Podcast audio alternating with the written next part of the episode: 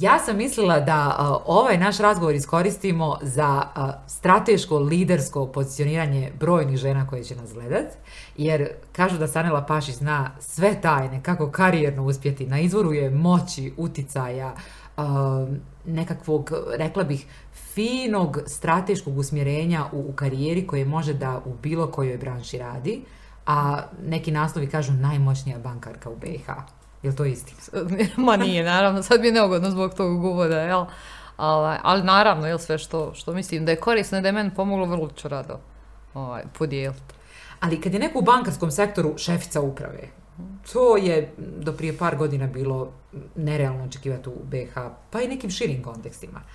Sa druge strane, sad se pokazuje da a, tvoje imenovanje je povuklo brojne druge žene, kako uprave, tako i na vrlo važne pozicije u bankarskom sektoru. Uh, I onda je, kao logičan iskorak, čini mi se, došlo i osnivanje ženske mentorske mreže, pa ćemo i o tome pričati u nastavku razgovora. E, interesuje me šta za tebe znači ta pozicija šefice uprave, u ovom sad slučaju Adiko banke u, u BiH. Kako se ta moć može uh, e, dohvatiti, a onda možda iskoristiti za neke dobre karijerne iskorake? Kako, dakle, tebe, tako svih tvojih saradnica? Uh, prije svega moram reći da od stvari koje mene motivišu ova, ili ne motivišu za posao, ta moć ili pozicija su posljednje u nizu. Jel? Ja volim ljude i mislim da su najbolji lideri oni koji stvaraju autoritet svojim karakterom i kredibilnošću i kompetencijom nekom harizmom. Jel? Radi je nego pozicijom ili moći koja proizlazi iz pozicije. U tom smislu ne doživljavam kao kao bitno, jel? Ja naravno volim svoj posao i ovaj pozicija bila priroda neki tuk i razvoj stvari, jel? Znači što radiš, nekako evoluiraš, treba ti nešto novo pa se pomakneš, jel? Ovo je sad bio jedan, jedan od tih koraka, Uh, mogu li iskoristiti, naravno, jel banka ima svoju funkciju, jel, i osim onog što radi za potrebe dioničara, tu je da pomogne različitim klijentima, jel. Uh, I volim najviše one trenutke u kojem sa nečim što radimo pomognemo klijentima, da grade nove biznise, da ih razvijaju fizičkim licima, da riješe neke svoje teme i potrebe i tako dalje. Može li se iskoristiti za druge žene? Da. Ja sam se trudila da iskoristim na način da a, je Adiko banka mjesto gdje su žene jako prisutne u menadžmentu to nisam radila zato što mislim da žena treba biti više nego muškara. Sad, nego zato što jednostavno mislim da svi trebamo imati jednaku šansu, jel? Ravnopravnu šansu, pa napraviti svoj izbor, jel?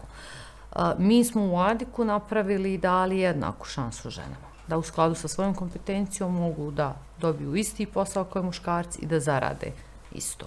Rezultat toga, te jednake šanse i činjenice, naravno, za žene dosta prisutne u bankarstvu, je rezultirala tim da smo imali uh, najprije sve žene u upravi. Danas ih nemamo, imamo jednu kolegu kojeg jako cijenimo i radujemo se što je tu s nama.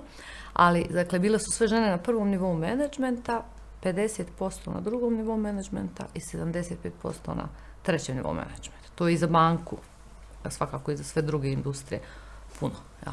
Tako sam ponosna što, što, što sam bila dio procesa institucije koji su omogućili ženama da dobiju priliku za takve stvari da uče, a naravno kasnije će ovaj, u odnosu na taj početak, jel, o, ta neka moja pozicija možda pomoći da otvaram vrata ženama u nekim drugim pojma.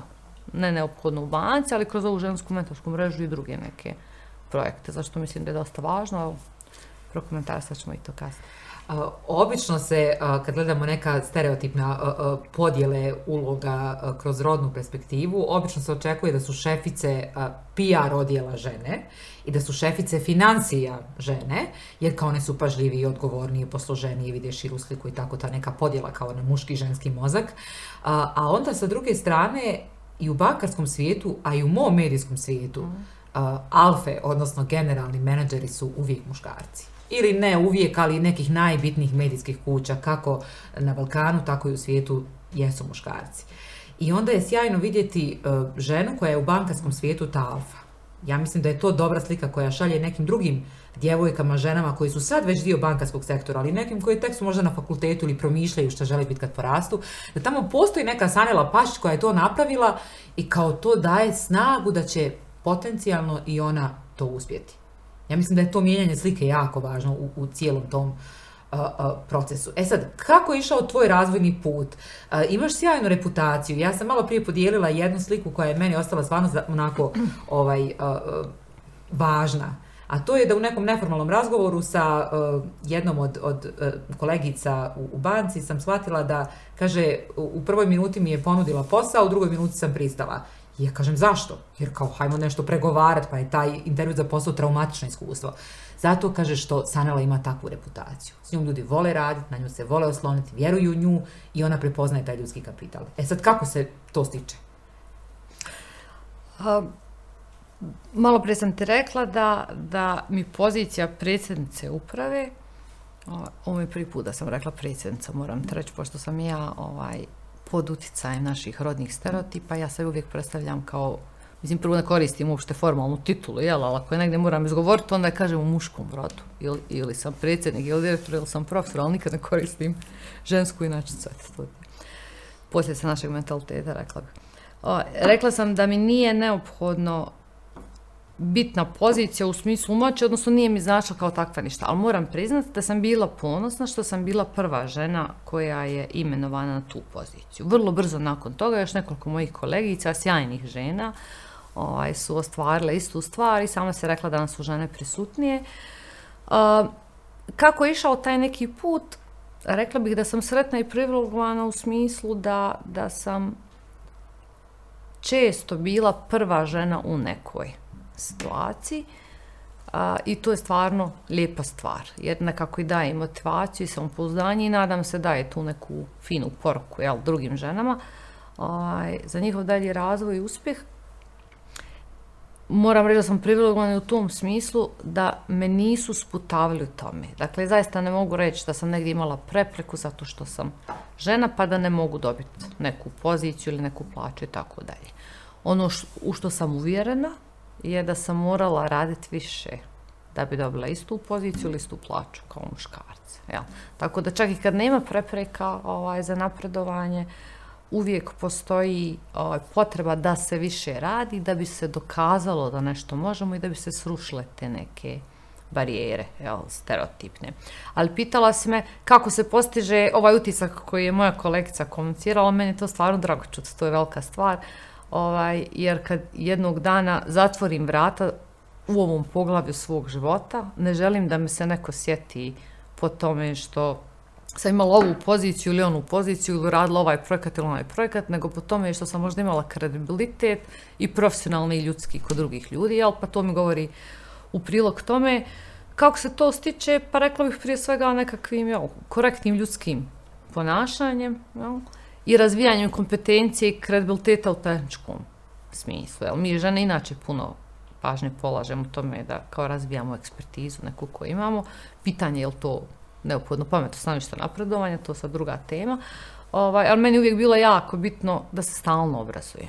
Jel, da stalno učim nešto novo o sebi, nešto novo o temi koju se bavim. Uh, da ovaj, kad se nečeg dohvatim, da tu temelj tu radim, da izradim neki rezultat, da, da koliko mene čini sretnom i zadovoljnom, da toliko čini živote ljudi oko mene bolji. Bez obzira li se radi o ljudima u mom timu ili se radi o ljudima koji koriste usluge, evo bankarske u ovom slučaju ili, ili neke druge. Tako da mislim da jedino kontinuiranim nekim ulaganjem u sebe i nekakvim korektnim, čestitim pristupom prema ljudima oko sebe može se doći eventualno do, do takvog nekakvog, jel?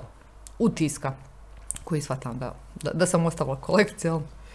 Ali ulažući stalno u sebe i u svoje obrazovanje, to traži puno snage, puno energije, puno novca, ali i ono možda najvažnijeg resursa, puno vremena. Mm -hmm. E sad je pitanje koliko žene u ovom nekom uh, kako da kažem, e, e, ja to zovem transformacija. U dobu kada iz neke studentkinje uletimo u neku novu poslovnu ulogu, pa onda se pokušavamo tu izboriti, pozicionirati, mm. napraviti nekakav iskorak, dok nas prate ove druge stva, standardne stvari u 30-ima, obično, jeli, udat se, bić kredit, kupi stan, roditi jedno dijete, roditi drugo dijete, ne daj Bože šta će ti treće dijete i tako mm. te, ovaj, ta očekivanja.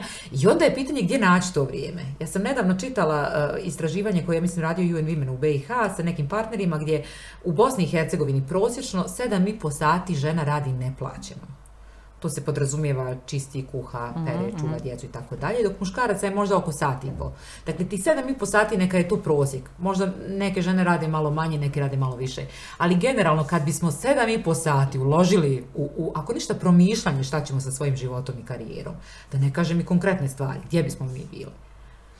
Slavim se, apsolutno. Mislim da žene i dalje ulažu, samo to radi na uštrb sna ili vremena koje posvećuju sam sebi, jel?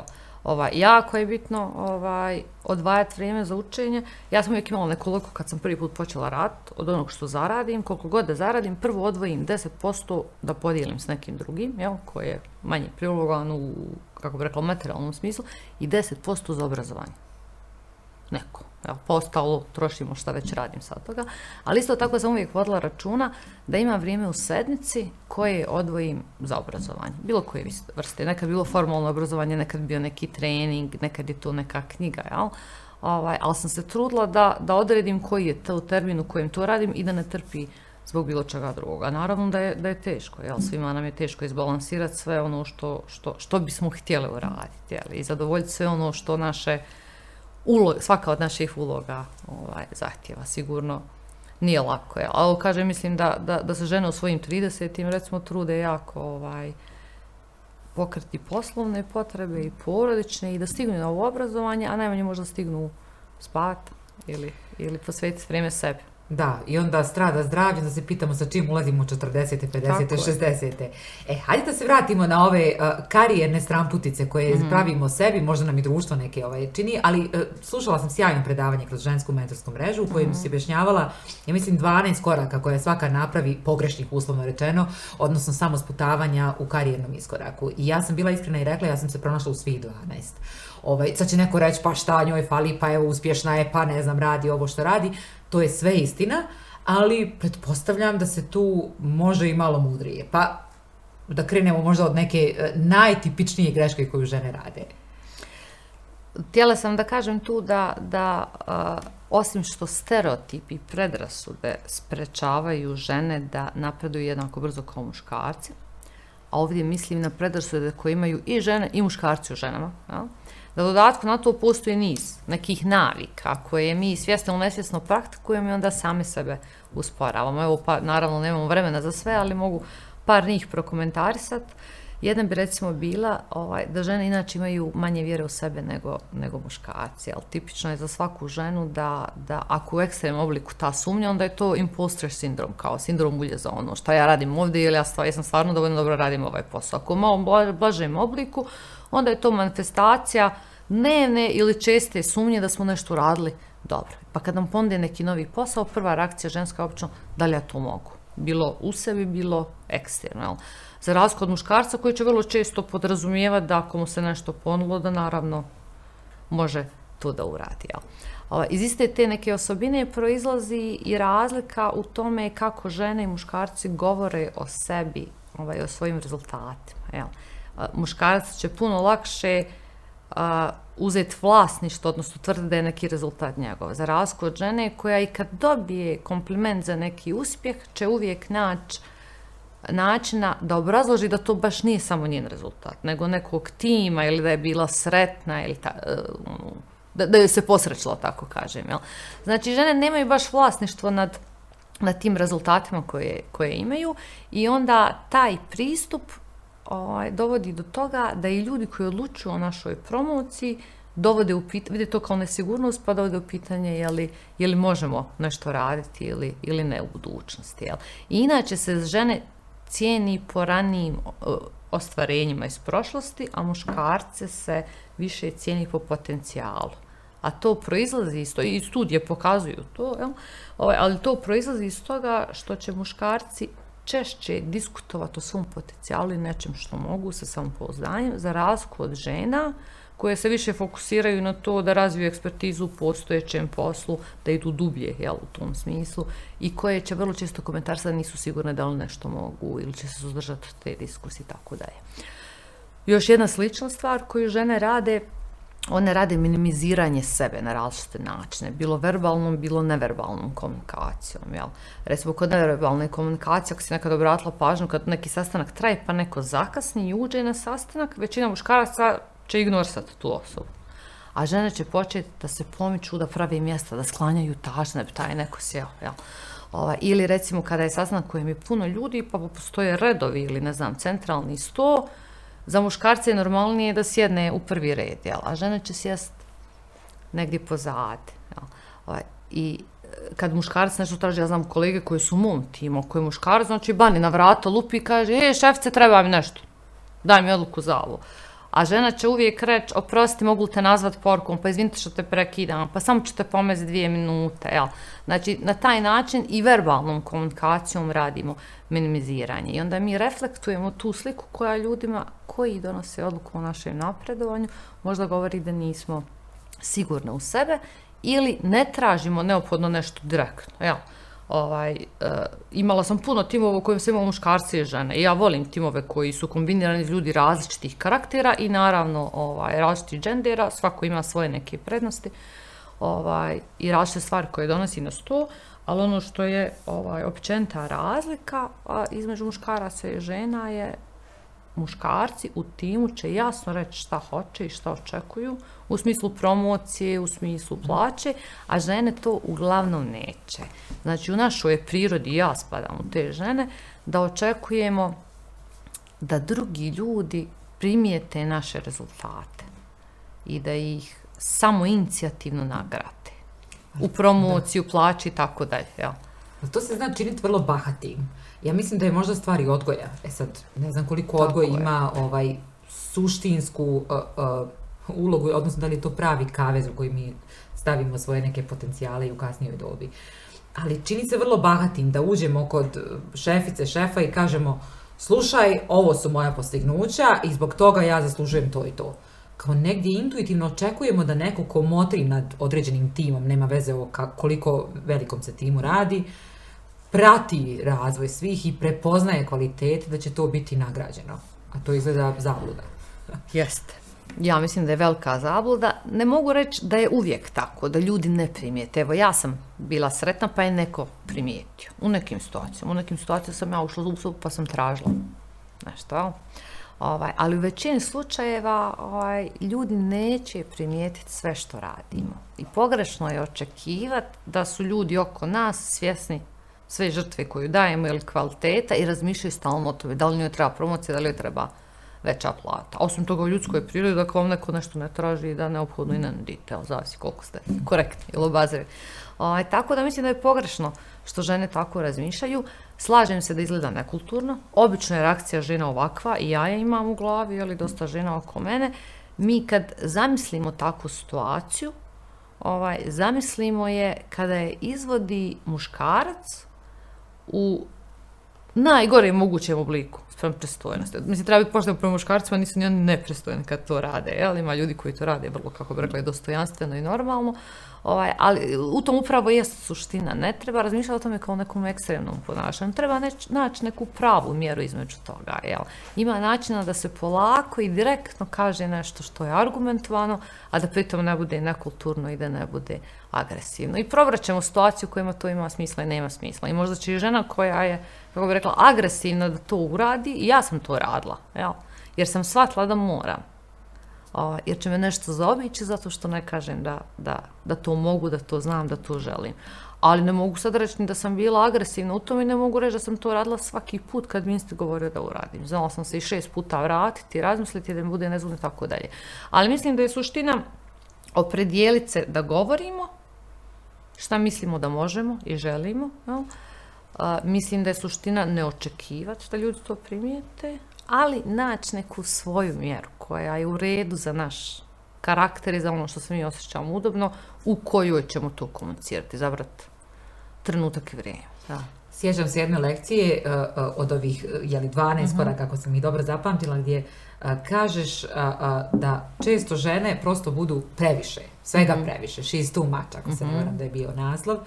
I tu sam se možda najviše prepoznala. Vjerovatno, moja e, ekstrovertna priroda me tjera da inače pričam jako puno, čak i više nego što mi se čini da je potrebno. Mm -hmm.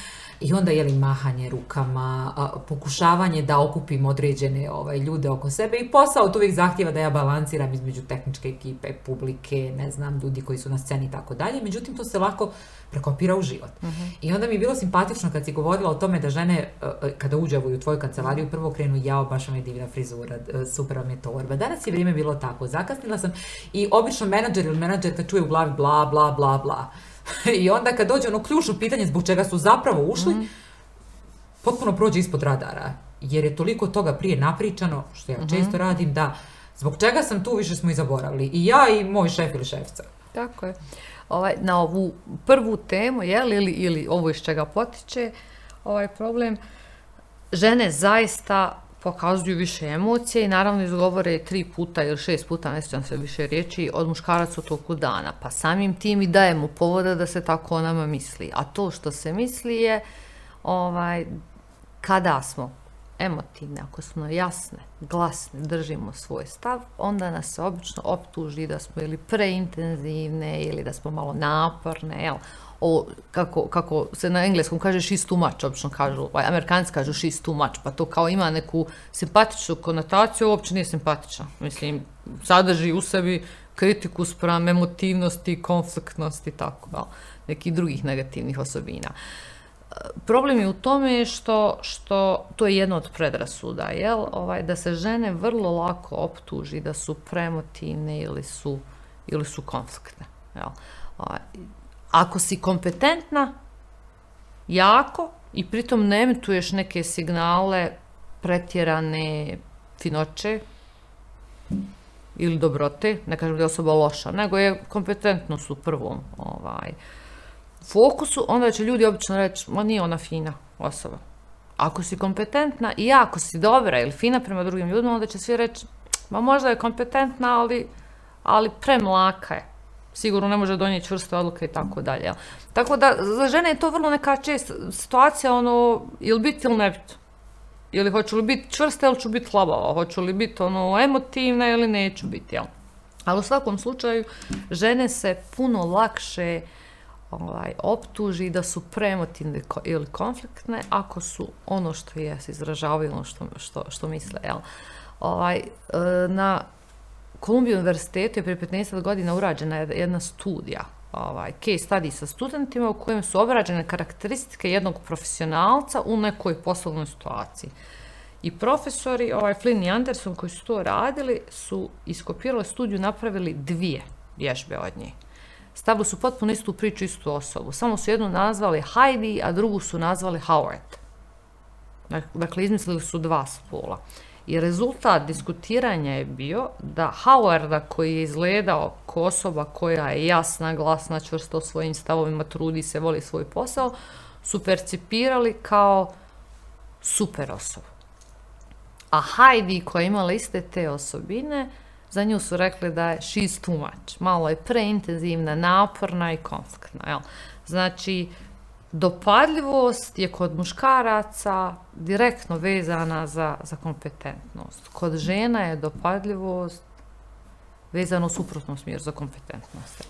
E sad, kod toga naravno mislim da žene moraju, to je jedna od osobina ili navika za koje bi žena bilo dobro da malo kontrolišu. Zato što ljudi koji odlučuju o našem napredovanju obično imaju predrasud da žena koja je premotivna da će često dolaziti u konflikte, da možda neće moći vladat timom, jel? da se možda neće nositi sa pritiskom. To je potpuno pogrešno, jel? ja mislim da su emocije koje, osobine koje proizlaze iz žene prevelike emotivnosti, dobre zato što donose i veliku empatiju, donose i strast prema poslu i temelj, temelj to su završavanje tog posla i tako dalje. I uvezivanje ljudi i ne znam, jače neko upravljanje timova. Uglavnom smatram ih vrlo pozitivnim, ali činjenica je da uh, da ako žena ne kontroliše ove osobine, da stvara percepciju da je previše ovaj, konfliktna ili previše emotivna. I to će sigurno sport. Dakle, zato to je bila jedna od ovih ovaj, 12 stvari. A ovo što si ovaj, dodala kao posljedicu, ja imam dosta toga, vidiš na, način, na koji prepričavam. Jel? Ja sad mislim, mogu da sedim na sasnak i da ispričam osnovnu pojentu nečega, jel? Uh, a ovako u nekom opuštenom razgovoru, normalno da ću uraditi malo više disclosure nego, to treba, nego što treba. Znači, dajem ti opisne informacije koje nisu neophodne. Mi to žene baš puno radimo, jel? Ova, imamo stalno obavezu da, da ne opterečavamo nekog ili da objasnimo za, kako smo i zašto došli do nekog zaključka, pa onda uvod u temu dugo traje, jel? objasnim zašto i kako sam na odnačem razmišljala, pa sam, ne znam, došla do toga i toga, pa sad mi je to prijedlog, prijedlog, ali do trenutka dok dođemo do tog prijedloga, onaj ko me sluša više je zaboravio, jel? Ja to isto radim i trudim se da radim to što manje. Ali kad, po, kad pređem sa druge strane pa pogledam kao rukovodlac, kako mi to izgleda, jel? koliko god imala ja empatije za žene, jer i sama imam tu osobinu, činjenica mi je da mi je puno lakše pričati sa muškarcima. Pa uđe u kancelariju i kaže, dobar dan, dobar dan, men treba to, tu i to, ja sam uradio to, tu i to, možeš ti to i to, mogu, hvala, doviđenja. Žena mi da uvod koji mi traži energiju, vrijeme, iscrpi me, još sam napeta da vidim ili mi govori šta misli ili trebam pročitati šta misli kao što muškarci stalno namoću, jel? Znači, da budem poštana, to je onako jedna navika koju sve imamo i ja imam i radim na njoj, ali potpuno razumijem osobu s druge strane koja prima tu informaciju, upravo je ovako kako si rekla. Znači ima malo viška informacije i treba je kondenzirati da bismo napravili više impakta. I ovo važi i za neku jeli, ličnu komunikaciju, ali važi naravno ono, primarno za, za poslovne komunikacije, neko rješavanje konkretnih problema. E, jednu riječ si ponovila nekoliko puta mm -hmm. koja se veže za ovaj primarno jeli, uh, E, ženski e, rod u, u ovoj kategoriji e, biznisa ili karijernog mm -hmm. penjanja, a to je emotivne i konfliktne. Mm -hmm. E, ako se ne varam, često su na intervjuima, nisam dugo bila mm -hmm. na mhm. intervju za posao, ali znam da je uvijek to vrlo važno pitanje. Mhm. Kako upravljate konfliktima? Mm -hmm. Kako se snalazite u konfliktnim situacijama i kako reagujete pod pritiskom? Mm -hmm. I sad kao menadžerka koja hipotetički razgovara sa nekim koji je potencijalna kandidatkinja ili kandidat za posao, mm -hmm. Šta je tu tačan odgovor? Jer mi svi na intervju za posao se trudimo biti jako pametni i skoro pa savršeni. Uh mhm. -huh. Ali ja negdje da ja odlučujem, nisam uh -huh. imala mhm. puno takvih prilika, ali mi se čini da bih tražila autentičnost. Pa da neko kaže, ne znam meni je to super odgovor, kao, uh mhm. -huh. ok, da nešto ne znaš i da si otvoren sa idejom da ćeš možda i naučiti. Ili da, taj, šta je, mislim, konflikt za nekoga? Za nekog je konflikt svašta, ako te neko pogleda, napiše mail, ne slažem se s ovim, za nekog uh mhm. -huh. konflikt zaista kad dođe do nekakve verbalne ili, ne daj Bože, fizičkog obračuna. E sad, šta tu kad govorimo o ženama koje su emotivnije i konfliktnije možeš da savjetuješ? Mislim, kako se ne unositi, iako te možda vozi ta strast, vjeruješ ludo u to što, što si zacrtala, e, imaš tačnu ideju kako će to da bude korisno za firmu i možda to negdje ne prepoznaje menadžer ili ne prepoznaje tim i da ne upadnemo u taj kako da kažem, kotačić u kojim se mi nešto vozimo emocijama i nas niko ne razumije, niko ne vidi našu genijalnost i da ne ulazimo u konfliktne situacije, kako se tu pozicionirati? Ili što pametno odgovoriti na temu šta da radimo s konfliktnim situacijama. Pa meni se najviše dopada odgovor koji si ti upravo dala. Ja bi recimo na takvu osobu kao poslodavac najbolje reagovala i ja sam reagovala. Jel? Ovaj, ali, aj, da ti možda prvo ispričam moje ponašanje kao osobe koja pregovara za posao koja je eventualno emotivna, jel? pa onda s druge strane kao, kao poslodavac. Znači ja sam u svojoj karijeri imala dva perioda. Jedan u kojem sam shvatila da se krećem u muškom svijetu i da je najveći okidač problema pokazivanje emotivnosti u različitim oblicima a, a, i da će me to najviše usporiti. Shvatila sam da moram raditi na samu kontrolu. Ja mislim da se razumijemo, naravno, kako bih rekla, nisam neka histerična žena koja ide okolo i svađa se sa svima, ali normalno izrazim emociju i vrlo sam direktna, iskrena po pitanju onog što mislim, a ne mogu to svi ovaj podnijeti. Ali godinama sam učila i učili me na raznim trenzima da postignem veći stepen samokontrole. To je dalje značilo da kažem ono što mislim, eventualno nekad da izaberem situaciju koju ne treba, ali da korigiram način na koji ću to reći, kako mi niko ne bi prigovorio ovaj da sam premotina. I to je zaista i dalo rezultate. Nažalost, ja živim u stereotipnom okruženju. A onda neki drugi dio karijere, imala sam neki trenutak u vremenu u kojem sam pomisla, ok, sad imam dovoljno kredibiliteta da budem ono što ja sam, evo, mm. karakterno. Ova, a osim toga, u poslovnom svijetu je došlo vrijeme kad, kad žene mogu da budu više žene. U smislu da svoje osobine koje pomažu konkretnim poslovnim prednostima mogu normalno da koriste, pa ako je tu neka direktnost, ako je tu neku srčanu argument, argument, neke teme, to je sasvim ok. I zbog ovih nekih promjena i ja sam imala neku tranziciju, tako da sam danas puno otvorenija, direktnija. I čovjek naravno s godinama jednostavno prestane da ima strpljenja za, kako bih rekla, za, za gluposti i za, i za ovaj, nekakvo krvudanje. Ali. Tako da o, u ovoj karijeri do sad sam bila ove stvari. I jako kontrolirana i, i nekontrolirana. Mislim da, da je ispravno biti autentičan. Jel? Ono si što jesi, naravno treba poslovne neke pristojnosti, jel, prema ljudima koji su oko tebe i prilagoditi se timu po raznim stvarima, ovaj, ali to ne znači da, da treba ovaj, suzdržavati se u onom što nas čini onakvim ka, kakve, kakve jesmo. Jer žene zaista imaju neke osobina koje pomažu poslovnim rezultatima da, da, da budu bolje. Jel?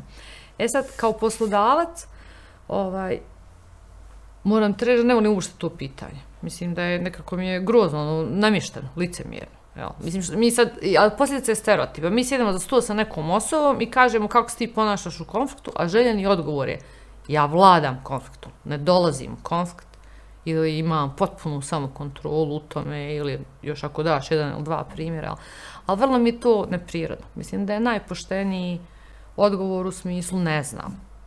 Ili imam dovoljno iskustva da znam naći zajednički jezik sa radnim kolegama čak kad se ne slaže. Ali ja ako puno pažnje polažem to mi da kažem što mislim i da se borim za ono što mislim, iako tu nekad izazove pozitivni konflikt, mislim ne treba bježati od toga. Po meni tu pošteni odgovor. Jel, on je realnost, jel? I u timovima koje sam imala, uh, ovaj, trudim se da ubijedim ljude da, da je jako bitno se slažu zbog njihovog dana. Mislim, mi svi provodimo veći dio dana jedne s drugim. Jako je bitno da imamo nekakav ovaj, usleđenost nekog karaktera i, i raspoloženo, raspoložene ljude i finu atmosferu. Ovaj, ali ne treba nikad težiti tome da nema nikakvog konflikta u organizaciji, jer on sprečava organizaciju da napravi nešto bolje, sprečava nas da, da razmišljamo van standardnih nekih okvira. Tako da mislim da je konflikt dobar i pozitivan i uvijek treba imati neku kombinaciju skroz različitih karaktera u timu. Recimo, meni su ovaj menadžeri koji zapošljavaju ljude koji su isti kao oni, u krivu. ja, Naravno. mislim, ne treba nam replika sebe. Plus, posljedna pitanja smo ispravili, nismo, to je tek, oho, pretpostavka, jel? Da, da trebamo mi kao biti jedinica mjere. Mm. Ovaj, ali mislim da je da je pravi menadžer traži neku kombinaciju potpuno različitih karaktera i naravno različitih vještina i da je njegov posao da balansira tu različitih karaktera na način da iz nje se generiše što bolja atmosfera i što što bolji ovaj rezultat. Tako da mi je ta priča sa konfliktom, evo, rekla sam ti ovaj, mislim da je ono skroz neprirodna, a vrlo je često za, za žene. Rijeđe se pita muškarce, ja sam komentarsala baš na tom predavanju, ovaj, sjećam se jedne godine kad, u jednoj od banaka koje sam radila, dosta je žena bilo na drugom nivou menadžmenta, 90% njih je u razvenom planu imalo unapređenje ovaj, konfliktnosti ili rešavanje konfliktnosti. Ma, mislim, to su bile žene s kojim sam radila godinama, nijedno nije bilo konfliktno. Samo su bile srčane i glasne u onom što radi. Ali evo, kao posljedica ovog nekog stereotipa, jel to se doživljava? sve su žene Heidi. Da, da, biti Heidi ovaj, uh, uh, nije toliko zanimljivo kada si već Heidi, odnosno kad si već žena.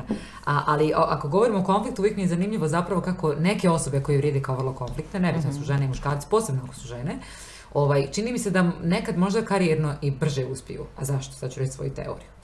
Na primjer, u redakciji postoje jeli, ovaj, neka pravila ponašanja koja se tako spletom okolnosti, naravno, od redakcije do redakcije mijenjaju. Mhm. Ali negdje silom prilika, ako postoji neka uh, zeznuta urednica ili ako postoji neka novinarka koja ono kao radi neke najzeznutije priče, ona odlučuje zapravo šta će da radi. Nju nikad niko ne ponudi da ode da snimi nešto na pijaci. Jer kao kad ona sad ustane pa kaže kako si se usudio ili kako si se usudio, otkud ja tamo, ja sam pratim šta god politiku, izbore, ratne ovaj, izvještaje i tako dalje. I ta osoba bude obično naprijeđena. Ona samo radi te neke strateški važne teme, a ovom ovi neki kao fini, vlagi, nasmijani, mm. koji su ovaj, tu spremni da podrže tim, uh, iz moje novinarske perspektive snimaju terene koji su stvarno onako za, baš za početnike, ne znam, kažem, od pijačnog barometra do vremenske prognoze, do ne znam da li je počela jesen pa je neko ovaj, lišće opalo sa grana i tako dalje što nisu uopšte loše priče, neka su tople ljudske priče, ali ta konfliktno zna da pomogne ljudima da ih maknu iz, iz uh, svakodnevnog uh mhm, -huh. procesa uh mhm. -huh. i da ih nekako izvoje kao ne diraj nju, ona nešto je mnogo zauzeta ili on je nešto mnogo zauzet, da sad ja ne upadam u ove predrasude, ali ovaj, to, to, ta neka odvojenost i neka hrabrost ili kao pokazivanje da si mnogo nešto zeznuta, zna da stvarno pomogne da te ljudi ne diraju, da te puste i kao lakše se ne, ne fajtati s njom na svakodnevnom nivou slažem se, ja sam vidjela to, mislim da može pomoći, ali kratkoročno, dugoročno nije održivo. Jel? Kratkoročno sigurno iz ovih razloga koje se opisala, ali mislim da dugoročno nijedna organizacija ne trpi abnormalnu, ne, kako bi rekla, nepristojnost, grubost, oholost. Mislim, nije u ljudskoj prirodi da to doprije, ali kasnije ljudi istisnu to iz organizacije. Naravno, to podrazumijeva da organizacija ima neku normalnu korporativnu kulturu, ako je to organizacija koja se gaje kao vrijednosti samo vrste vrijednosti koje ta osoba emitira, onda malo taj proces sporije ide. Ali u svim i ole zdravim organizacijama u kojim su neke normalne ljudske vrijednosti ovaj, na cijeni, takvi tipovi osoba, muški ili ženski, kratkoročno će imati tu korist, ali dugoročno će biti istisnuti iz organizacije ili barem iskustvo ovaj, moje bilo. Mislim, meni se znalo desno, posmatram neko koji je ono baš, kako bih rekla, ima relativno dobru kompetenciju, ne sjajnu, ali je dobro agresivan ili agresivna, evo, u tom nečem što, što želi i na što polaže pravo, tako dalje.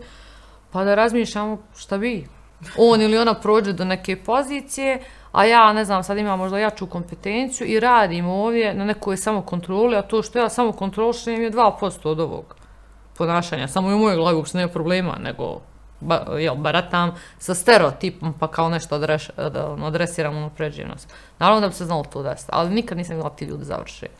Dobro. Ma da, i onda na kraju dana, e, ono što spomenula, ne želim da me neko pamti kao, ne znam, ovako ili onako, negdje mi, ja mislim, kao ljudi volimo biti, e, možda čak nekad i pretjerujemo, da nas mm. ljudi vole, da nas oživljavaju, da, da osjećaju tu našu neku, ovaj, naše vrijednosti, našu mm. misiju, A, ali kad smo kod tih viših ciljeva i te korporativne kulture. Razmišljam o onima koji nas sad slušaju, gledaju i kažu sve ovo super zvuči, ali zapravo nemam pojma šta želim. Uh mhm. -huh. Dosta je uh, posebno srednje pozicioniranih, srednje karijerno ovaj, usmjerenih ljudi na, uh, ja to uvijek kažem, uh, mostu između nečega i ničega. Uh kao negdje smo krenuli, pa se onda taj cilj umeđu vremenu totalno istopio. Shvatili smo da to što smo mi sa 22 ili 5 željeli, sa 35 baš nema puno smisla, a ne vidimo u trenutnoj korporaciji, u trenutnom preduzeću ili smo možda bez posla, šta dalje?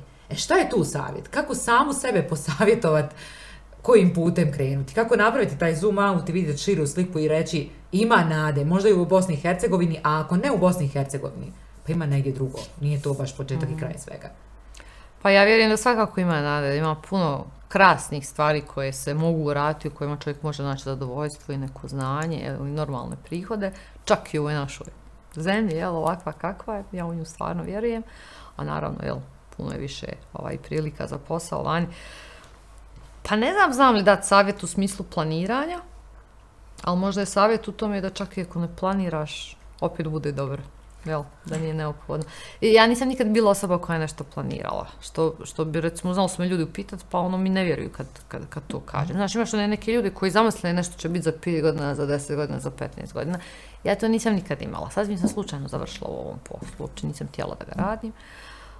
I onda nekako sam prelazila sa jedne na drugu stvar tako što sam volila to što sam radila, trudila se da uobličim i nešto napravim i onda kad evoluiram, kad osjetim da ne dodajem vrijednost, meni je to signal da se treba micati. Onog trenutka kad više ne dodajem vrijednost timu ili organizaciji na način na koji sam prije, to znači da je meni vrijeme za novi izazov i organizacija ili timu vrijeme za novu osobu da ih vodi. Meni je to nekako uvijek bio reper. Nisam imala plan, pa ne mogu ni posavjetovati kako imati ili praviti neki plan, jel? Ali ono što znam je da čak i ako nemate plan, da, da sve dok ste svjesni onog što možete i što ne možete, jel? Ova, I dok, da, da trebate biti otvoreni na nove prilike one se stalno otvaraju, čovjek se ne treba bojati da riskuje, ja smatram da se isplati riskovati, jel? Uvijek će letati neke nove stvari koje će se otvoriti i gdje treba imati hrabrosti da se uđu. I on donosi nova znanja i nova iskustva i nove fine ljude koje upoznaje, jel?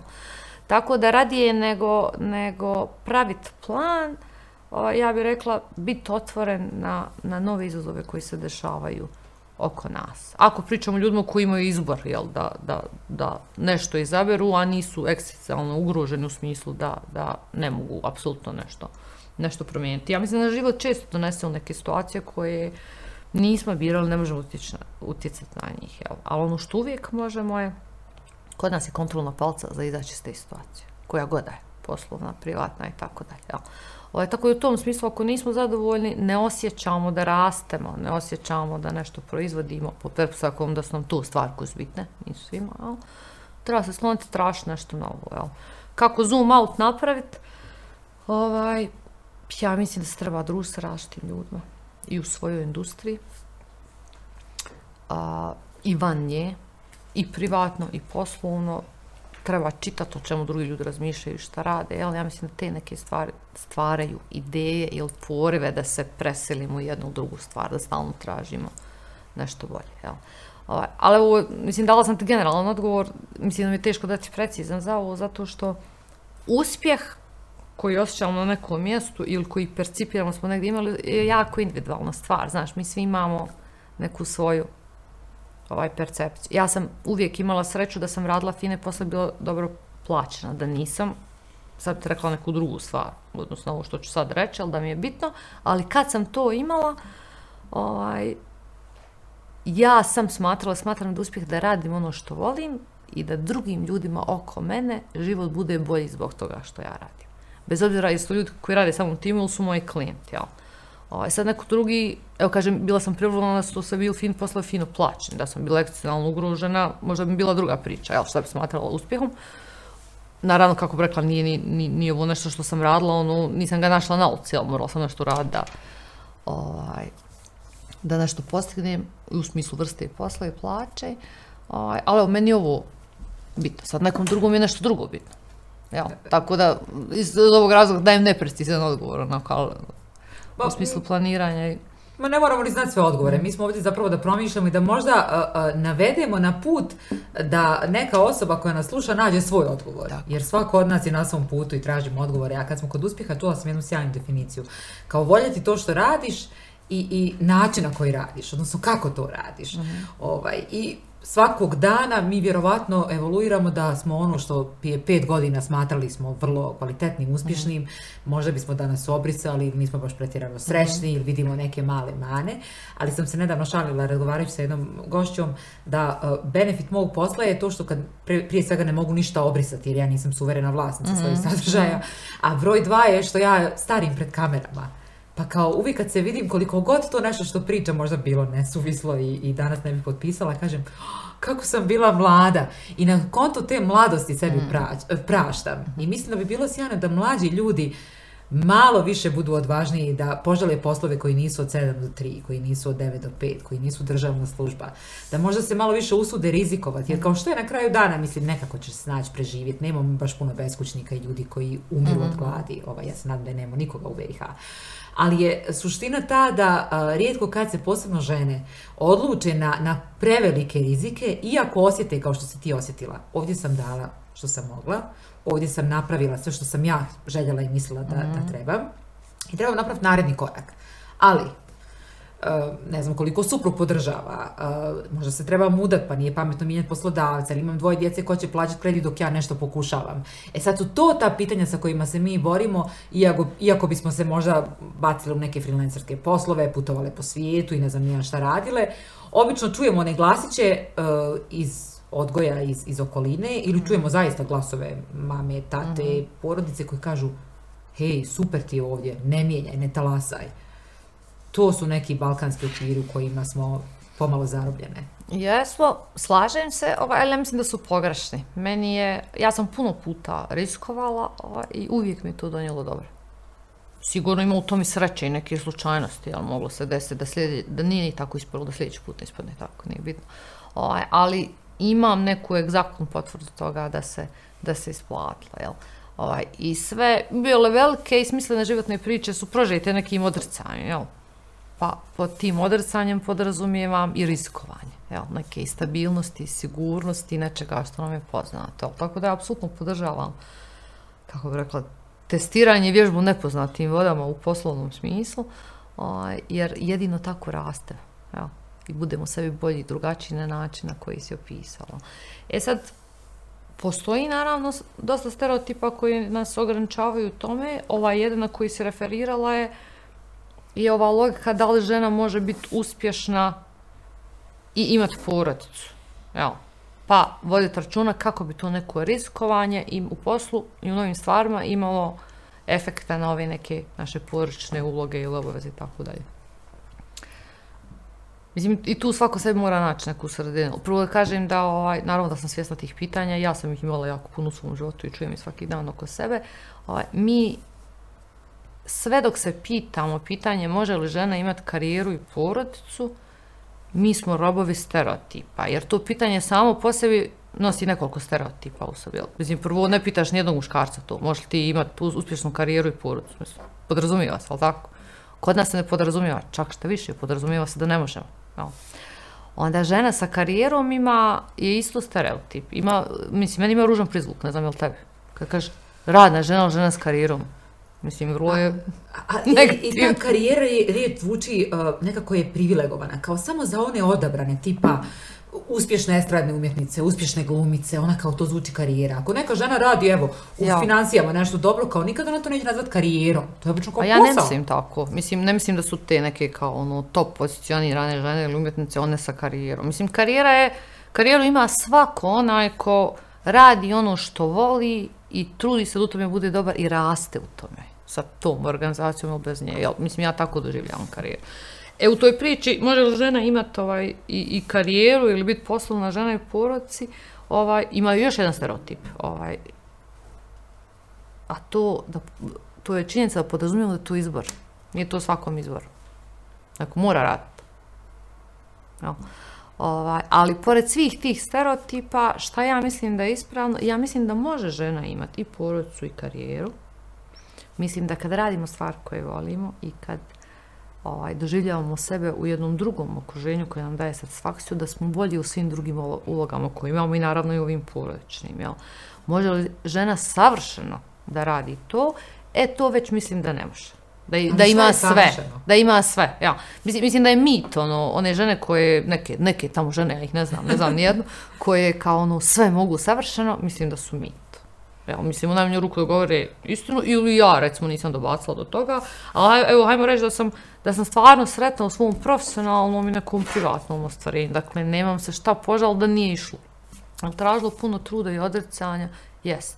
Je li bilo svakakvih smiješnih i absurdnih i loših situacija gdje sam određenim trenucima života zapostavljala neke stvari, jest. Ali mislim, nije recept u tome da se teži svemu, nego je recept u tome da balansiramo stvari na način da svaku od svojih uloga koje imamo u životu ovaj, da uživamo u njoj i da radimo na njoj, a da budemo svjesne da ne možemo biti najbolji u svakoj od njih u svakom trenutku. Dakle, da biramo trenutke kad nam je nešto prioritet. Ja, ja naravno, kako bih rekla, ja ne živim u iluziji da u svemu u, živo, u životu postoji reciprocitet između truda i rezultata. Jel, koji leži. Ja ne živim u iluziji da je moje dijete koje sam sa ovako stresnim poslom i kolčinski napornim, odgojila jednako dobro kao majka, radna majka, jer ja smatram poslom. Mm-hmm. Ovaj, majku koja odgaja djete, po meni, ovaj, puno radno vrijeme. Jel, to ne neplaćen rad. Tako je. Ovaj, ne živim u iluziji da sam ja možda dobo, svoje djete odgojila ono jednako dobro kao majka koji je, koja je cijeli dan uložila u razgovor i rad sa svojim djetstvom. Jel. Ovaj, I zavidim takvim majkama, recimo. Jel ali mislim da, da, da je ključ naći, izvini, ovaj, neki balans. Znači, u nekom trenutku u životu možeš dati svoj maksimum na jednoj teme, a uz podršku partnera, porodice, tima, ljudi oko sebe, možda nećeš najsjajnije uraditi na nekoj drugoj temi. Ali kako vrijeme prolazi, kako se potrebe mijenjaju tvoje ljudi oko tebe i kako imaš različite prioritete, tako ćemo izlaziti iz maksimuma jedne uloge u drugu. Mislim da je to mogu. A mimo toga, apsolutni uspjeh u svemu, mislim da je mit, ovaj, mislim da je moguća ova varijanta koju sam rekla i da svakako ovaj, podržavam uvijek sve mlade žene jel, i ove naše generacije, odnosno ti spadaš mladu u odnosu na mene. Ovaj, Relativno. Da, da traže sebe u poslovno dozvole sebi da, da testiraju neke vode i da riskuju i da ne budu usputavane ovaj, tim nekim i predrstvama i strahom. Jer mi kad ne bismo imali strahova te vrste, onda bismo puno dalje otišla. Ja sam htjela reagovati na ovo odgajanje djeteta, pa ću se vratiti sekundu na to. Meni jedno, jedna sjajna, malo starija od mene žena rekla, kaže, dušo, sve možeš imati, mm -hmm. samo ne sve u isto vrijeme. E. Pa. Dakle, ne možeš biti na studiranju i na nekoj specializaciji, na radionici, kuha tručak i uspavljiva dijete i ne znam, nija a, sa suprugom provod kvalitetno vrijeme. Mm -hmm. I sad je samo pitanje tog balansa i pokušavanja da odrediš svoje prioritete i da se u određenoj fazi uh, da slušaš sebe, da se prepoznaš, da se nekako ne kažnjavaš. A onda kad dođemo do tog samokažnjavanja, da nismo mhm. dovoljno vremena provele sa svojom djecom ili, ne znam, moje cvijeće često ovaj, ugine, i onda mi je to opipljiv primjer koliko sam a, a, vodu mu uskratila, jer kao mhm. sunce, eto tu je, pa sad mhm, na to ne mhm. utičem, ali, ali mogla sam ga zaliti. Ova, I to cvijeće kad uvene, meni je e, jasno u kojoj fazi su sve ostale moje možda e, potrebe e, Marine kao žene, Marine kao sestre, Marine kao prijateljice, Marine kao supruge i tako dalje, Marine kao majke. Ovaj, ispod nivoa mora jer je nešto bilo prioritet, nekakav rok, ne, nekakvo snimanje, nema veze šta. ali smatram da brojne žene koje to se opet provlači kao ona je domaćica, ona je sjajna domaćica. Mislim da je to divno ako neko zaista uživa u tome i podiže svoju djecu i ima tu mogućnost mm -hmm. da kaže ja ću samo da se ovim bavim. Uh, ali ima tu, pretpostavljam, i puno onih koje, nažalost, pletom okolnosti su domaćice uh mhm. -huh. i onda kada su svaki dan sa svojom djecom, one svaki dan s tom djecom zapravo dijele svoju frustraciju, ljutnju, tugu, neke negativne emocije zato što se nisu ostvarile na nekom drugom polju, a željele su. Mm -hmm. I pitanje je koliko je dobro biti toliko a, a, u određenoj fazi fokusiran, na primjer, samo na, na kuću ili na bilo što na posao, ako nema šta dati jer ova multisektorska ovaj a, a, relacija sa karijerom, sa poslom, sa porodicom, sa napredovanjem donosi neke nove životne sokove. I onda smo valjda bolji svima. Tako je, ja isto mislim, a prepostavljam da je u toj situaciji kada si posvećen porodici cijeli dan, bez nekog gažmana u nekoj firmi ili poslu, da i tad za neko opće kako bi rekla, zdravlje i sabiranost za zadovoljstvo treba neko vrijeme za sebe u koje nešto uradiš za sebe, obrazuješ se u nečemu, nešto pročitaš. Mislim da ljudi imaju potrebu da rastu na bilo koji način da bi, da bi dolazilo to neko zadovoljstvo, odnosno da bi se smanjivalo neka frustracija. E, sad su mi pale na pamet dvije teme koje sam također čula kroz žensku mentorsku mrežu, pa ćemo uskoro pričati mm. o toj mreži. To je ona aha rečenica, koju još nisam smislila, znam da je vrlo važna. I druga je stvar, moć umrežavanja, koju mhm. često žene zapostave kada budu promovisane nekakva nova timska uloga, menadžerska na primjer, i onda sjećam se e, gdje govoriš da se trude da maksimalno se o tome izuče, pročitaju, udube se u tu tematiku, a zapravo ne hvataju ko su naredni uh, dobri koraci ili dobri partneri uh mhm. -huh. u tom pozicioniranju. Hoćemo li od rečence ili ćemo od umrežavanja? Evo, možda od rečence, ona je uvod za ovo drugo. Znači, uh, kad sam pričala o tome da žene nemaju vlasništvo nad rezultatima, jel, one ne znaju se ni pohvaliti za nešto što su uspjele. Jel. Ono što ja primijetim je da muškarci vrlo, da vještije to radi i da trebamo učiti na njih. Ja sam na tom treningu pričala o nekoj svoje aha rečenci u liftu gdje sam se susrela sa, gdje sam sa nekim kolegom srela šefa koji nas je pitao oboje šta, šta ima i šta radimo. A ja sam dala neki nejasan odgovor, zato što nisam imala vremena da se koncentrišem na njega i to što njega zanima. Mislim, shvatila sam pitanje kurtoaznim. Ja pa ne znam, evo nešto radim s to stvari tako. Ovaj, a moj kolega je mrtav hladan izdeklamo rečencu 10 sekundi koja je rekla uh, upravo sam završio super ugovor o toliko i toliko para, a imam sad ambiciju da postanem, ne znam, regionalni direktor toga. Jel? Ovaj, mislim da muškarci često imaju rečencu koju vježbaju, Dakle, uvjerena sam da je svjesna, ne kažem da svi muškarci imaju, ako ne imaju, trebaju imati, jer sam vidjela puno i koji su uspjeli zbog toga. Znači, jedno, dvije rečence koja im pomogne da, da sažmu neki svoj trenut, trenutnu prednost ili trenutni rezultat i da iskažu svoju ambiciju za nešto, novu poziciju. Žene to nikad ne rade. I često sam vidjela situacije u kojima kad se promovira interna osoba na neku poziciju, svi kažu, a gdje onaj mali, on je uvijek bio dobar za toga. Možda i nije bio dobar za toga, no više okolo i ponavlja, ja sam dobar za toga, ja sam dobar za toga. Žene misle opično da je to nekulturno. Evo. Ali ono što je moj savjet ženama, je da pokušamo da, da smislimo tu jednu rečenicu ili dvije. Kad nas, nešto, kad nas neko pita čime se ti baviš ili čemu težiš, da kažemo, evo ja radim to i to, dobra sam u tome i u tome, a spremam se ili učim ili imam ambiciju da postanem to, to i to. Jer to ostaje ljudima u ušima. To je malo nekako ono i suprotno ženskom mentalitetu i općenito našem mentalitetu na ovim prostorima. Ljudi to vani puno rade, i zaista ima efekta. Vrlo često im donese ta svijest njihovih saveznika. Pričam o tome da govore tu rečencu pred saveznicima, nekim ko su saveznici, ljudi koji radi u našem timu, naši šefovi, naše kolege, naši kupci, naše dobavljače. Znači, u toj nekoj mreži ljudi u kojim se krećemo i koji mogu reći nešto dobro za nas, postoje ljudi koji su svjesni nečeg što je naša ambicija. I možda će se u nekom određenom trenutku na pravom mjestu naći ta osoba, ako ne mi koja će tako nešto potvrditi. Ali. Ovaj, a apropo ove neke mreže, networking ili umrežavanje ili održavanje odnosa sa tim savjetnicima je nešto što se ovaj, u zapadnom svijetu dosta cijeni ili smatra bitnim. Ja sam odrasla u okruženju u kojem ne samo da nisam to cijenila, nego bi bilo odbojno, zato što je moja percepcija mreže i odnosa ovaj, da negativna, asocijera me na ljude koji su nekom vezom dobili neki posao, ne svojom kompetencijom. Znači, ja sam se ponosila i ponosim time što nemam prijatelja svog od roditelja, rođaka koji je pomogao da bilo koji od svojih poslova dobije. Sve sam ih dobila sama svojom kompetencijom. Međutim, naravno, kako su godine išle, onda sam spoznavala koliko praznog hoda ima u mom trudu usmjeren drugim stvarima, dok ljudi koji koriste takve neke odnose uh, ovaj, brže rješavaju stvari napred. I ovdje zaista ne mislim na korištenje odnosa u negativnoj konotaciji. Znači, dalje ne pričamo o dobijanju posla, rješavanju problema nekom vezom ili štelom koja nije bazirana na kompetenciji. Ovdje pričam o postojanju kompetencije, u konkretnoj situaciji nešto ozbiljno nudite nekom kupcu, jel? Ovaj, ili u traženju nekog posla imate ono što treba, ali u dodatku na to imate ljude koji su svjesni vas da nešto možete jer ste s njima kreirali neke dobre odnose, pa mogu dati preporku za vas, pa mogu reći, a zašto vi ne biste ovo uradili, znam jednu osobu koja bi to mogla da uradite, tako dalje. E sad, da li to koristimo ili ne, uvjerena sam da žene ne koriste to kao muškarci. Jer kad žena dođe u neku organizaciju da radi neki novi posao, ona se fokusira na to da savlada posao.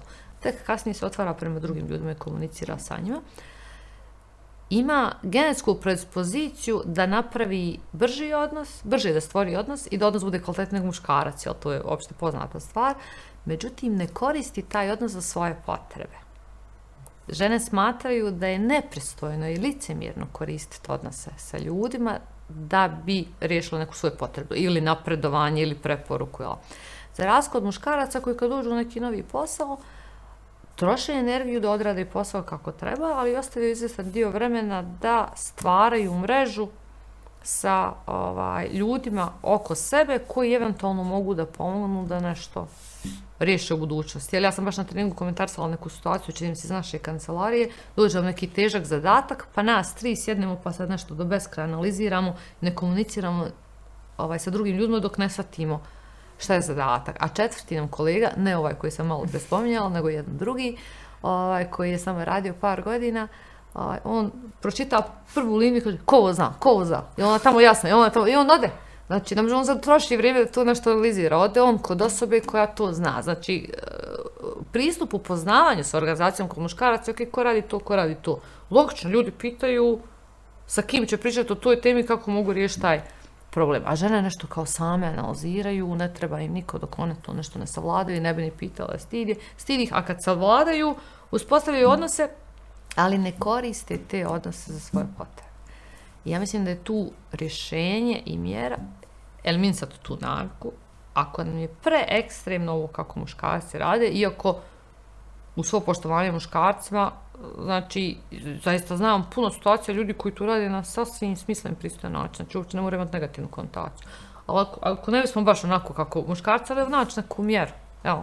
Ovaj, znači neku sredinu u smislu da evo ja i ti imamo neki odnos, pa ćeš me nazvat, pa reći, ok, bili mi napravo kontakt sa ovim nekim, evo ja ću tebe zauzvrat, možemo, mislim, muškarci uvijek rade kvit pro, pro, pro, jel, on mi kaže, ja ću tebe nešto raditi, ti me nešto radi, jel? ako se osjećamo neugodno nešto tražiti, možemo dati nešto za uzrat, jel? Ali neki, neku količinu osnovnu, ovaj, kako bi rekla, iskoristavanja tih odnosa. Ili, znaš, ja sam zainteresovan za taj taj posao, jel? Ako vidiš nekog ko zna, krećeš se u tom nekom krugu, a smatraš da, ovaj, sam dobra u tome, kvalifikovana, evo, sjeti se možda da spomeneš moje ime, pa neka ljudi, ono, sam prosude. To, mislim, to je relativno pristano, to nije ono, slušaj, dođeš u kontakt sa tim, tim nađem posao, jel, mislim, to skoro Ma, dvije različite stvari. Ma tako, nepotizam nekakav klasičan tako, ili... Tako, tako da mislim da ipak žene moraju malo korigirati tu svoju naku i kad već ovaj, mogu formirati široku mrežu finih odnosa, da trebaju te neke odnose koristiti. No. Ja samo mislim da ima Trebamo jedna... Trebamo učiti od muškaraca. Da, oprosti, ima jedna tu važna stvar. Ja mislim da je ženama lakše tražiti podršku od žene. Naravno, ako osjećaju da mhm. ta žena ovaj, nekako ih doživljava ovaj, ili ravnopravnima ili da je otvorena za mhm. priliku da pomogne, nego od muškarca. Jer se često pripisuje uspjeh ženama zato što je nečija žena, nečija kćerka, nečija mhm. ljubavnica. Uh -huh. I onda taj networking u ženskom nekom kontekstu uh, Eh, je na tankom ledu ako se očekuje podrška od muškarca. Uh mhm. -huh. Ja ne znam jesam li u pravu, ali se nama često uspje pripisuje za neku mušku ovaj, eh, pozadinu koja nas kao nešto bodri i ističe u prvi plan. Vidi, slažem se za tim i moje iskustvo isto tako. Ovaj, nisam imala situacija u kojima mi je neka muška osoba iz moje porodice ili ne znam, ovaj, omogućila da imam neki posao, ali sam potpuno nerazumno bila često puta optužena za to. Znaš, to je nekako ono... Dio I to stereo, yes, stereotip, jel? Ova, I slažem se s tobom potpuno da je puno lakše tražiti neku pomoć od žena, ali ja mislim da je treba i biti, zašto je ne bi bilo, jel? E, rekla sam na početku, ne osjećam da su me sputavali u, u razvoju zato što sam bila žena, samo sam morala raditi više, ali je bilo jako puno profesionalaca, ljudi muškaraca koji su bili potpuno uh, gender bias free, znači neopterećeni razlikom s poloma. Vidjeli muškarci i žene po istoj kompetenciji, samo po kompetenciji i ja bila sretna sam radila za njih. Pa mogli ovaj, iskoristiti moje znanje i preporučiti me dalje naprijed i tako dalje. Ovaj, ali kad se ovdje pričamo o situaciji kad postoji s druge strane osoba koja je svjesna da treba pomoći, da imaš kvalitet i tako da, jel? Ali kad sam želiš nešto pitat, mislim da je logičnije skroz kao i ti da se ide na ženu. Mislim da treba biti te ne, naše ženske solidarnosti. Ako smo već sve svjesne, znači ja nisam svjesna teških obstrukcija i nemogućnosti zbog toga što sam žena. Ja sam li čitao svoj život svjesna subtilnih, stereotipnih poruka, zato što sam žena u poslu i ja sam sad, mislim, možeš se zabrati, hoćeš se svađati s ljudima koji ti to govore ili ćeš ignor sad. Ja sam birala u drugu varijantu, to mogu poslije objasniti, gledamo vremena što mi je imala smisla. Ali znači, svjesna sam bila ti neki subtilnih omalovažavanja. Iako sam to osjetila barem jednom, a ja sam više od jednom. Ja imam nagon da se soldašim sa drugom ženom i da joj pomognem u tome. Evo, ovaj, Zato mislim da treba da me pita. I zato mislim da ja treba pitam da li treba pomoć. Ne samo u nekom napredanju, nego u nekim općim stvarima. Ako vidim kolekciju koju je, ne znam, 28 godina, pa se muči, može li stići djeci, ne može li stići djeci, treba neko ko je prošao to, kao što su imam da je kaže, u redu je da osjećaš grižnju savjesti. Svaka je žena osjeća. U redu je da suzbiješ tu grižu savjesti, jer bez nje možeš više. Jel? Ja u redu je da ti se ovo dešava, da ti se ono dešava. Vidi, ja nisam svoje djece nikad stavila u kraju, nisam istuširala ovu klopu džamiju. Ja sam sto puta pomisla, joj, dragi Bože, da nisam ovo morala, da je mogla sad ono čemu je bilo u školu. Ili da ono, sam mislila da će se, nakon što to završim sa zadnjima tom snage, one svijesti, ja sam naravno da ja sam, jel? Ali kad vidim svoju mlađu kolekciju koja isto u toj situaciji, pa se kira zbog toga, uh, Zar nije u redu i korisno da neko kaže, vidi tu što se dešava sasvim normalno. Možda znam for kako da izbjegneš, možda ne znam, ali ako ne znam reći da, da je u redu. Znači, ta pomoć od druge žene ne treba samo da se traži za napredovanje, za u nekoj mreži odnosa, za, jel, možda se traži za rješavanje problema. Možda da se traži kad emotivno osjećamo previše stresa i napravo zbog toga što pokušavamo balansirati sve uloge. Jel ja sam uvijek jako na raspolaganju za to, a, a mislim da je logično, vidi, ja mislim, od kako sebe znam, pitam druge ljude šta misle o nečem. Ne znači ću uvijek uzeti taj komentar, ali puno ljudi pitam za svašta. Zar nije logično neko ko je već prošao problem u kojem se nalaziš, pitati kako ga je prošao. Po poistoj toj logici, ali mislim da, da je za žene jako bitno da imaju mrežu sa drugim ženama koji pomažu da reše razne stvari. Uh, I sad smo došli do ženske mentorske mreže. A, sve ovo što si dala kao, kao svoj a, a, lični i iskustveni stav i sve to što si prošla i ta solidarnost koja je vrlo važna, je negdje podstakla a, tebe zajedno sa još nekoliko sjajnih žena iz biznisa da kažete ovo neće ostati samo u našim kompanijama, samo u našem krugu, nego hajmo to proširiti. Mm -hmm. Tako je. Jedan zanimljiv projekat koji se ovaj desio ove godine, ovaj, I kako je uopšte došlo do toga, ja sam prije nek, ne znam, dvije godine dobila neku nagradu žena godine, ladies in, ili tako nešto, i ima žiri koji odlučuje o tome, ali pored žirija postoji ovaj, značajan ili značajan efekt imaju glasovi ovaj, anonimnih glasača. Neki. Sad su neke tamo žene, mene znane i ne znane, meni dale glas. Ja sam osjećala strašno obavez da nešto uradim prema ženama, kako prema ženama koje su u ovom poslovnom svijetu, jel? Mislim, pođeš od onog šta možeš ljudi naučiti, ono nešto što znaš, jel? Kao što ja pitam nekog da podijeli sa mnom neko znanje. I drugo, sa drugom skupnom žena koje su manje prilugovane u eksistalnom i socijalnom smislu, jel? Pa evo, korona me nemoguća odmah da to uradim, da uradim rašte načine, u drugu temu sam nekako stihijski pokrila i, i sama. A od ove prve smo napravili neki projekat, to je ta ženska mentorska mreža. Uh, ovaj, znači Adiko i Deloitte, dakle moja prijateljica Sabina i ja, ovaj, smo napravili projekat u kojem smo htjeli dati mentoring mladim ženama. Te mlade žene ovaj, su žene koje su završile neki fakultet godinu, dvije, tri, pet, rade negdje u početku su svoje karijere, uslovno rečeno. I htjeli smo da im pružimo nekoliko stvari. Jedna je bila direktni jedan na jedan mentoring. Šta smo uradile? pozvale smo 50 menadžerica iz raznih industrija, raznih lokacija Bosne i Hercegovine i zamolile ih da budu mentorice. Žene su se nevjerojatnom brzinom odazvala. Znači, to su osobe koje su ili direktorice ili upravama velikih kompanija, od IT do banaka, osiguranja, proizvodnje hrane, distribucije, marketinga ili vlasnice. Jel? Znači, žene koje imaju najmanje dvije decenije nekog iskustva kao menadžerce ovaj, u industrijama koje su više dominirane muškarcima, manje dominirane muškarcima, ali posve imala neka različita iskustva, obrazovane žene, posvećene svom poslu, prave dobre rezultate. I to je bila jedna situacija koja mi uvjerila da je ovaj ženska solidarnost stvarno jaka. Znači sve su ovaj pristale odmah, pristale su naravno bez ikakve naknade, one su besplatno dijelile svoje vrijeme i iskustva dobila sam neke programe i upute i svako mi je pripisana po nekim procjenama i karakterima po, po, po jedna mlada djevojka koja, koju treba mentorsat. Ovaj, I taj, taj dio programa su obavle jedan na jedan. Bijele su znači svoje iskustvo, svoje uspone, svoje padove, svoje tuge, svoje radosti u poslovnom svijetu i pokušaju balansiranja sa privatnim, tako dalje. Ja a, i mislim da su stvarno srčano ovaj, podijelile neko baš bogato iskustvo. Druga stvar koju smo radili, rekli smo, ajmo mi trenirati ove mlade žene, odnosno obučiti ih u stvarima koje ne dobiju u standardnim obrazovnim institucijama, jel? u stvarima u kojima mi mislimo da, da im mogu biti koristi. Pa smo ih učile kako će rati ovo umrežavanje, networking koristi sa, saveznike, upričali im kojih navika treba da se riješe, pričali im kako treba da pregovaraju za za plaću, kako da rade javni nastup, neke osnovne stvari u menadžmentu, tako dalje, jel?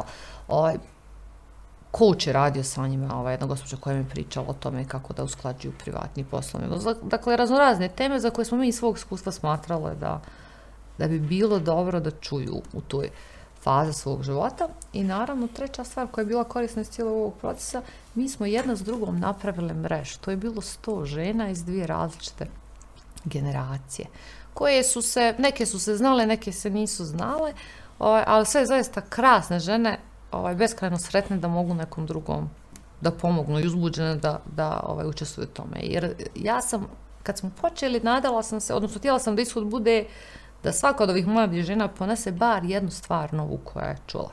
I ako je sutra iskoristi da njen, da svoj posao radi bolje, ili na neku drugu žavnoću tome, da mislim da to prava velika stvar. A mislim da izlaz toga bio puno jači u smislu količine stvari koje su naučile te naše neke mreže i osjećaja. Jel?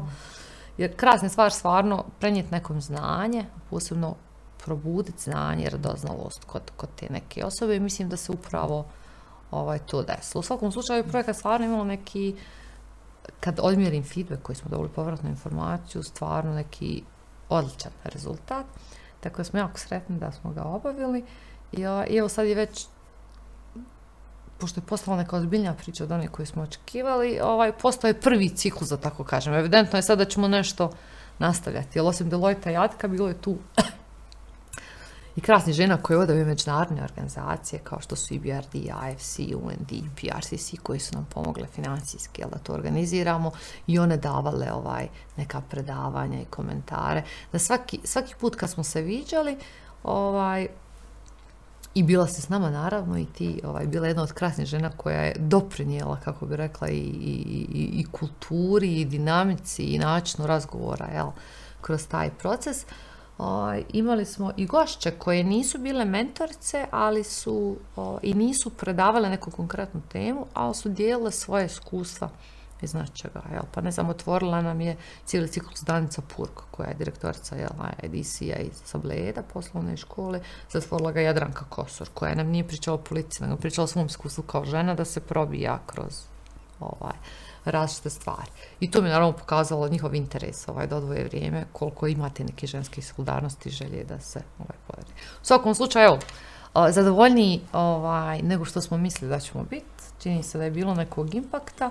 Ovaj, a što je meni impakt pitan ovaj, u ovom smislu? Puno je sad inicijativa koje pomažu ženama, jel? ali ja, ja sam duboko uvjerena da žene treba da imaju veće učešće u ekonomiji i u menadžmentu ne više od muškaraca, ali samo da imaju iste prilike, pa neka one donesu svoje izvore. Ali mislim da imaju osobine koje je empirijski dokazano, evo, po drugim zemljama, direktno doprinose dobrom ili boljim rezultatu. Ovaj, obrazovanije žene, sposobnije žene sa većim prisustvom u menadžmentu će svakako zajedno sa muškarcima donijeti kvalitetnu ekonomiju. Naša ekonomija tako je čan treba dobre ljude, bilo kojeg spola. Evo. Ovaj, tako da projekat mi je posebno interesantan ne samo zbog ženske solidarnosti, nego zbog konkretnog i detaljnijeg impakta na razvoj žene menadžerice ovaj, koja bi sutra trebala doprinijeti ekonomiju Bosne i Hercegovine. Ovaj, na neki bolji i drugačiji način. Znači, ja volim da mislim da smo počeli sa obrazovanjem i osposobljavanjem prve generacije mladih žena koji će sutra biti menadžerce i neko mentorstva, kao smo mi mentorstva, ali rad nešto što i ovih 50 starih žena što danas radi. Ali. Naše je samo ono što damo i ja mislim da je e, fenomenalna ta sinergija koja se desila između različitih oblasti, različitih generacija i apsolutno različitih iskustava koji su kroz žensku mentorsku mežu isprepletane i e, o uticaju mislim da ćemo te govoriti u nekim narednim Vreme, godinama. Tako. Ovaj, ali uh, ovo što si rekla je također vrlo zanimljivo. Budi se ta neka ženska svijest i sve više ima programa koji osnažuju žene. Međutim, ponekad je tužno pogledati gdje smo mi u toj ravnopravnosti u 21. vijeku u nekim evropskim okvirima u kojima mi egzistiramo, jer i dalje na pozicijama gdje se donose odluke, kako u političkom životu, tako mm -hmm. i u mhm. ekonomskom, zaista su žene incident. I obično, i ako jesu tu, onda je upitna njihova stvarna moć. Jer se negdje pretpostavlja da stoji nekakav bord ili uh, politička uh, figura muškarca koji suštinski određuje pravila igre. A ona je tu evo da neke stvari možda malo kanališe ili eventualno da upotpuni uh, taj setup. I onda mi je bilo sjajno kad je gospođa Purg rekla kako uvijek oblači uh, sako neke druge boje da bi se u moru muškaraca na tim određenim uh mhm. -huh. samitima, poslovnim sastancima, biznis forumima izdvojila. Jer to je važna poruka. Dakle, ta neka žena u žutom sakovu koja štrči od svih silnih i, sivih i, i crnih odijela kaže i ta neka nova E, djevojčica, djevojka se tu može naći, jer ako je jedna žena sada, možda za 5 ili 10 godina budu bar 2, 3, 5. Mm -hmm. Tako je, ovaj, i ja se sjećam toga i isto mi se dopalo, ovaj, a nesvjesno sam napravila istu stvar. Ja se sjećam kad sam počinjala tamo, ne znam, nija, 98. 9.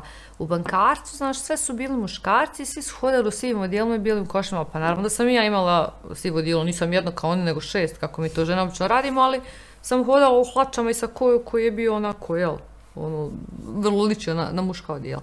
Ja danas kad idem negdje na, na sastanak sa muškarcima, mislim, znam se da budem u sobi sa 10 ili 50 nekih iz tih men menadžera, jel, muškaraca, ja i dalje nosim odijelo, jel, ali ovaj, čobuč crveno ili čobuč žuto iz istog razloga. Jel, znači, više ne imam potrebu da se uklopim u to, nego baš obratno. Jel. Ovaj, ali jesmo malo zastupljene i slažem se ja da su mi smiješno bilo kad se rekla da su žene incident, ali jesu, radije nego pravo, jel? Ovaj, statistike to pokazuju, vid žene su, one čine pola radne snage globalno, jel? a ni blizu nije njihovo učešće u, u donošenju odluka. Znači, mjesta gdje se donose krupne odluke, u stvari, dominiraju muškarce. Jel? ovaj, recimo žene žene koje vode zemlje njih je manje od 10% od ukupnog broja neovisnih zemalja e, prisustvo u parlamentima u prosjeku je globalno 20%. Jel? Pa sad ima tu razlika. Evo, ne znam, jeste li znala možda da je zemlja koja ima najveći broj žena u parlamentu 65% Ruanda. Tu, onako, zanimljivo provjer što je to tako. Ali prosjek je 20% ovaj, globalno. U poslovnom svijetu, recimo, Americe žene su 17% je njihovo učešće u raznim upravnim odborima u privatnom sektoru, u Evropi 14%. Znači, zaista ih manje ima, je u svemu, iako čine pola radne snage. I ja mislim da svijet samo može imati koristi ako se taj neki procenat poveća. I, i opet kažem, ne mislim da treba žena biti više od muškaraca u, na pozicijama poslovni ili politički na kojem se odlučuje. Možda ih ne treba biti nisto. Ja. A ono što je bitno je da, da počnemo živjeti u svijetu u kojem su prilike da to tako bude jednake. Apsolutno. žena ima jednaku priliku kao muškarac na osnovu svoje kompetencije da dobije neki posao o, i da napravi samo svoju odluku. Možda njena odluka neće biti da je zainteresena za to, ali da se sklonimo od ovih nekih stereotipa, izborimo za mjesto za stolom, pa sad je li nam interesantno u tom trutku životu ili nije, ili smatramo da negdje drugo možemo nešto bolje napraviti, korisnije, to je sad ovaj, druga tema. Tako da mislim da trebamo tome težiti.